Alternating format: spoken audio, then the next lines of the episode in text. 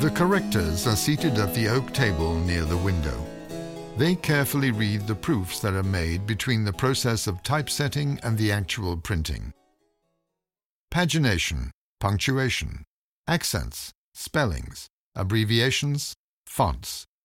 Not one error escapes their all-seeing eyes. The corrector is assisted by a lector. The lector reads the proof aloud while the corrector implements the corrections. The corrector is a scholar. He will know Dutch and French, but also often Spanish, Italian, Greek, and Latin, and sometimes Hebrew and Aramaic, once the most important language of the Middle East, too. As religious works become an important part of the company's production, more and more priest correctors are engaged.